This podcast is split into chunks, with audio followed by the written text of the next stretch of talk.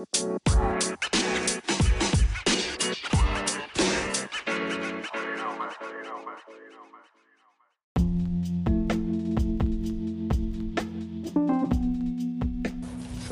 warahmatullahi wabarakatuh. Uh, ketemu lagi dengan Bang Andres, abang paling kece, paling tampan, paling manis stok terakhir di dunia. Episode 3 udah mulai agak narsis ya. Jadi, um, gua mau bahas tentang uh, akademis versus uh, berorganisasi. Ini kan jadi masalah masalah klasik banget ya buat yang uh, para aktivis. Aktivis berorganisasi. Buat lo yang dengar gue status masih pelajar ataupun kuliahan ataupun kita yang sudah selevel gue atau kita seletingan dulu kita pernah ngerasain pasti ya. Kita lu punya kawan yang aktivis atau malah lu yang saat itu sedang getol-getol berorganisasi.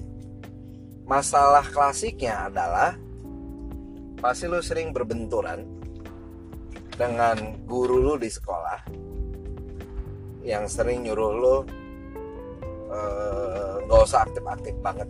Jadi sering benturin adalah uh, antara masalah nilai akademis lu dengan uh, dengan berorganisasi karena memang uh, kenyataannya atau umumnya anak-anak berorganisasi ini uh, ini karena pengalaman gue ya anak-anak organisasi ini pasti lebih sering sering banget meninggalkan uh, kelas untuk ngurusin organisasinya. Kalau gue dulu begitu, nah gue nggak tahu dengan dengan dengan yang sekarang, cuman uh, sekarang gue sering terlibat banyak di kegiatan anak-anak sekolah kuliah gitu ya. Ternyata keadaannya masih sama. Dan feelnya sama. Jadi anak-anak aktivis itu memang cenderung jauh lebih banyak berkegiatan di luar kelas daripada di dalam kelasnya. Pertanyaannya apakah itu salah? Kalau ditanya ke gua salah nggak kayak gitu? Tidak sepenuhnya salah. Oke? Okay? jadi uh, beberapa waktu yang lalu gue sempat ngisi uh, workshop pelatihan itu ya di salah satu sekolah di Bandar Lampung. Jadi kebetulan itu yang kumpul emang orang organisasinya. Jadi itu siswa kurang lebih total siswa di sekolah tersebut ya. Itu kalau ditotalin dari kelas 10 sampai 12 kelas 3 eh, kelas 1 sampai kelas 3 nya itu kurang lebih 1000 orang. Kurang lebih 1000 orang. Dan yang ikut kegiatan organisasi jadi itu kumpul. Jadi kayak kayak diklat kepemimpinan itu nginep di di salah satu tempat memang biasa tempat buat pelatihan. Itu yang ikut cuman itu udah total ya dari dari pengurus osis sampai ekstrakurikuler ya. Semua ikut itu cuman 150-an orang. Total ya. Kurang lebih. 150 orang. Bayangin dari seribuan orang yang ikut berorganisasi 150 orang. Tuh men. Oke nah ketika gue baru mulai um, gue brainstorming dengan bertanya seperti ini. Gue tanya ke anak-anak kelas 10 nya eh anak kelas 10 jumlah total anak kelas 10 itu berapa orang? Jawabannya sekitar 350-an orang. Yang hadir di sini berapa orang total? Kurang lebih 40 sampai 50 orang. Itu udah terwakili dari setiap uh, bukan terwakili ya jadi total anak anak kelas 10 ikut eskul lah kurang lebih seperti itu hanya 50 orang. Coba bayang. Hanya 50 orang dari 350 itu kan seper seper berapanya tuh? Seper 6 mil lah kurang lebih gitu ya. Sisanya ngapain? Gue tanya gitu. Sisanya ke mana? Gue tanya dulu deh yang hadir di sini. Gue bilang gitu ke audiens. Gue tanya dulu. Gue tanya ke beberapa orang. Yang ada yang cewek ada yang cowok gue tanya lu datang ke sini tujuannya mau ngapain secara klise jawaban kalau misalnya ada audiens ditanya begini pasti klisenya kan begini. Pengen belajar kepemimpinan mencari pengalaman bla bla bla bla bla bla seperti itu. Gue bilang bohong. Gue bilang bohong ikutan begini di sini. Bilang aja lo terjebak nggak ada pilihan disuruh sama senior. Gitu aja bilang jujur. Gue bilang gitu sama audiens. Gue lanjutin. Karena sebelum gue lanjut ngasih materi gue bilang seperti itu. Mari kita luruskan terlebih dahulu ikut organisasi itu mau ngapain? Datang ke acara malam ini tuh eh, pelatihan itu kebetulan gue ngisi sesinya malam. Datang ke acara sesi pelatihan ini malam ini di sini mau ngapain? Kalau kerasanya beban kerasanya setiap uh, ngikutin kegiatan ngedumel terus ada senior lo bicara di depan wah segala macem. Guru lo ngomong di depan terus lo ikutan ngomong di barisan belakang dan lain-lain. Mendingan pulang. Ngapain lo ikut ikutan mendingan pulang. Yaudah ngelewatin deh pelatihan. Hari Senin lu pulang. Eh sorry hari Senin lu ngundurin diri. Lapor sama kakak senior lu. Udah kak nggak mau ikutan lagi. Kapok gitu. Bilang lapor. Gitu. Keluar masal dari berorganisasi. Mending sekalian gitu daripada dalam organisasi jadi zombie. Nggak ngerti mau ngapa-ngapain yang penting cuma ngelewatin waktu kasihan. Mendingan sekalian kayak teman-teman sekarang. Di rumah nyantai ada yang hangout sama kawan-kawannya ada yang nonton sama pacarnya dinner sama keluarganya lebih enak daripada lu di sini. Udah nggak ngerti mau ngapain capek tidur nggak nyenyak ntar malam dibangunin. Gue bilang gitu sama anak-anak. Pada diem semua hening. Kebetulan ada beberapa guru di situ juga yang ikut perhatiin oke? Nah lanjut. Kenapa gue tanya seperti itu? Karena kalau ikut organisasi ikut kegiatan seperti seperti malam itu dilakukan tapi nggak ngerti maknanya mau ngapain ya nggak bisa. Jadi lo harus tahu dulu. Oke selanjutnya uh, mungkin saat ini lo yang dengar episode ini mungkin merasakan hal yang sama. Saat ini lo sedang berorganisasi berorganisasi mungkin lo merasakan dilema di kegiatan lo saat ini. Nggak masalah. Kalau ditanya sama gue emang bang Andres dulu waktu organisasi gimana rasanya? Sudah gue jelasin di episode sebelumnya gue tuh berorganisasi itu justru menemukan way out. Hidup gue seimbang pada saat SMA itu way out pada waktu SMP hidup gue seimbang karena band. Waktu SMA hidup gue seimbang karena band dan organisasi. Dan di SMA itu masa-masa masa-masa indah lah. Betul itu kalau di SMA dibilang masa-masa indah itu di SMA itu lah karena apa di hidup gue diwarnai dengan berorganisasi hidup gue diwarnai dengan ngeband tuh oke? Okay? nah, karena gini faktanya di dunia saat ini jujur aja kalau sekarang gue tanya andaikan ini gue sedang berada di depan lo semua kita kumpul dalam satu ruangan dan gue tanya sama lo semua siapa yang mau sukses kalau orang yang normal kalau orang yang waras semua akan uh, angkat tangan Setuju sama gue nggak? Setuju ya? Nah, cuman pertanyaannya, orang nggak ngerti gimana cara menuju ke sana. Semua orang mau menuju sukses. Cuman nggak ada yang benar-benar mempersiapkannya. Nggak ada yang benar-benar sadar, oh ya gue mau sukses itu harus begini. Itu nggak ada.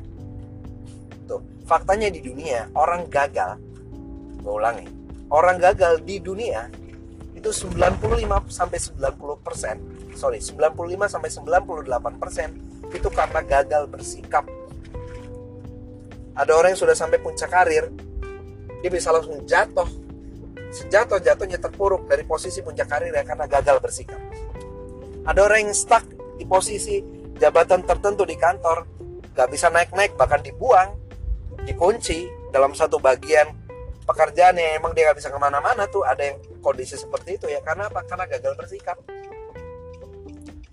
Seperti itu. Dan bersikap ini nggak ada pelajaran di sekolah. Nggak ada materi khusus tentang bersikap tuh nggak ada. Nah bersikapnya seperti apa? Bersikap sama atasan kalau lu saat ini udah di kantor kalau lu saat ini masih sekolah bersikap sama guru lu bagaimana? Bersikap sama orang tua bagaimana? Bersikap sama kakak senior lu bagaimana? Bersikap sama kakak uh, kelas lu bagaimana? Itu tidak bisa bersikap ke bawah. Kalau di kantor lu kepada bawahan. Kalau di rumah lo sama anak lu kalau di sekolah lo sama adik kelas kalau di organisasi sama adik junior. Dan tidak bisa bersikap sama sejajar. Satu letting lo teman sejawat lo di kantor ya teman satu letting teman satu angkatan tuh seperti itu jadi dalam kehidupan 95 sampai 90 98 persen orang gagal itu karena tidak mampu bersikap ke atas, ke bawah, dan ke samping. Pelajarannya ada di mana? pelajarannya lengkap lu bisa belajar dengan free dan gratis. Ada di organisasi men. Ada di organisasi. Makanya gue bersyukur alhamdulillah ketika SMA gue itu seperti dalam tanda kutip dijerumuskan ke dalam organisasi yang namanya Paskibra tuh. Gue gue merasa dijerumuskan ke dalam ke dalam situ. Ya kenapa e, dipelajari di organisasi? Karena ketika lo di organisasi kalau lo bener-bener ngikutin organisasi lo dengan benar lo akan ketemu masalah. Betul betul? Ada masalah. Ya macam-macam masalah yang lo bisa lo, yang lo bisa dapetin dalam organisasi. Entah itu masalah konflik of interest antar antar personal di dalam organisasi tersebut. Ada yang antar suka mungkin. Saling suka aja bisa jadi masalah dalam organisasi men.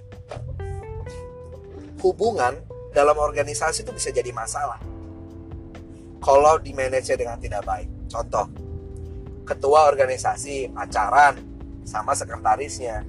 Kalau lagi baik-baik, rapat rajin men. Yakin gue. Lagi ngerjain uh, target, proposal, misalnya apa gitu lagi ada kerjaan. Woi ini yang lain kagak dat, lanjut. Segala urusan pasti lanjut, selesai men. Rajin, rapat, rajin uh, pokoknya anggota yang lain gak datang asal tuh berdua datang selesai pasti. Insya Allah selesai. Insya Allah selesai. Nah cuman masalahnya kebalikannya. Kebalikannya kalau tuh berdua lagi ada masalah lagi berantem bubar organisasi lo kebayang ketuanya kagak ada sekretarisnya kagak ada bubar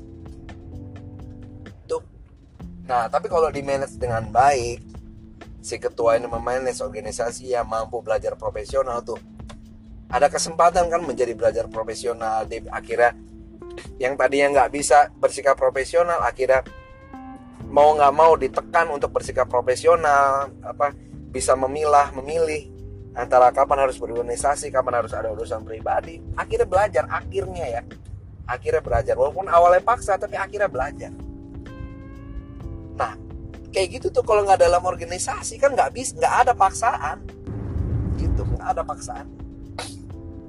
Tapi karena lu dalam organisasi mau nggak mau, men, akhirnya lu belajar memanage. Seperti itu, oke? Okay? Selanjutnya, setiap organisasi pasti ada masalah, pasti ada masalah. Makanya setiap kali gua ngisi sesi dalam satu pelatihan manajemen organisasi kurang lebih seperti itu. Gue selalu sisipi doa. Doa gue apa coba? Doa gue adalah mudah-mudahan organisasinya ditempa banyak masalah. Dan biasanya setiap kali gue bicara itu yang lain langsung uh segala macem. Iya betul. Gue harus doain banyak masalah. Karena apa? Karena dengan masalah yang banyak lu ditempa. Ilmu lu ditempa. Ilmu lu akan keluar semua. Di organisasi itu begitu masalah datang lu akan mau tidak mau mengeluarkan sisi terbaik lu dalam menghadapi masalah tersebut. Setiap dari anggota organisasi tersebut itu dia luar biasa.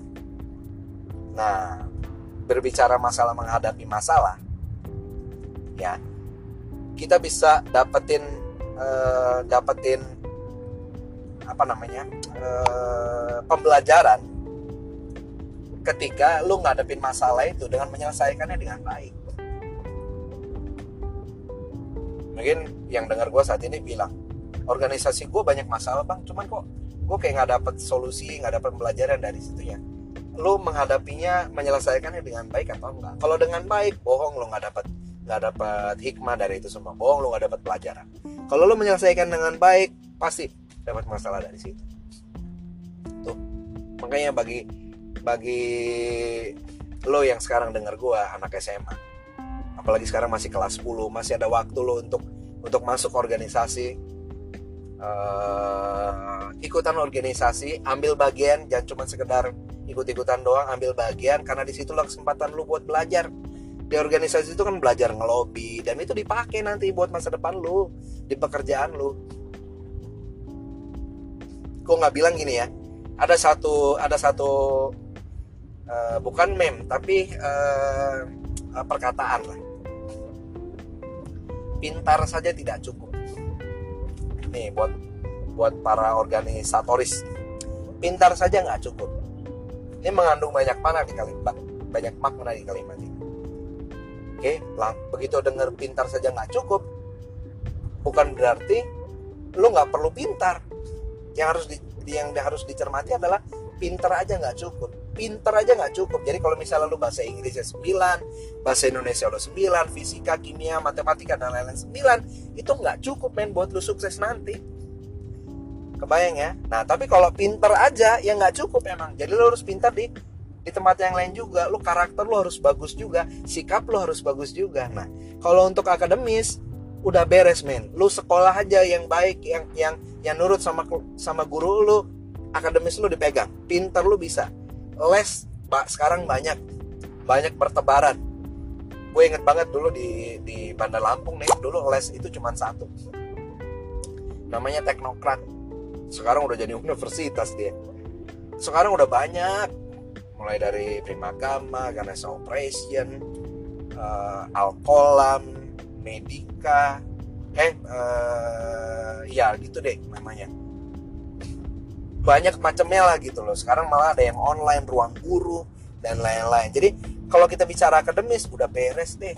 Nah cuman masalahnya nggak ada yang bicara tentang sikap, nggak ada yang bicara tentang karakter. Nah itu harus diasah men karena karena begitu lu terjun ke lapangan lu berhadapan dengan orang lain lu butuh sikap lu butuh karakter lu butuh butuh keluasan sikap dan sifat lu di lapangan gini gampangnya lu punya temen nggak sekarang yang pinter di kelas? Ada pasti dong. Nah ada nggak lu punya temen yang pinter tapi ngejengkelin? Ada kan? Ada.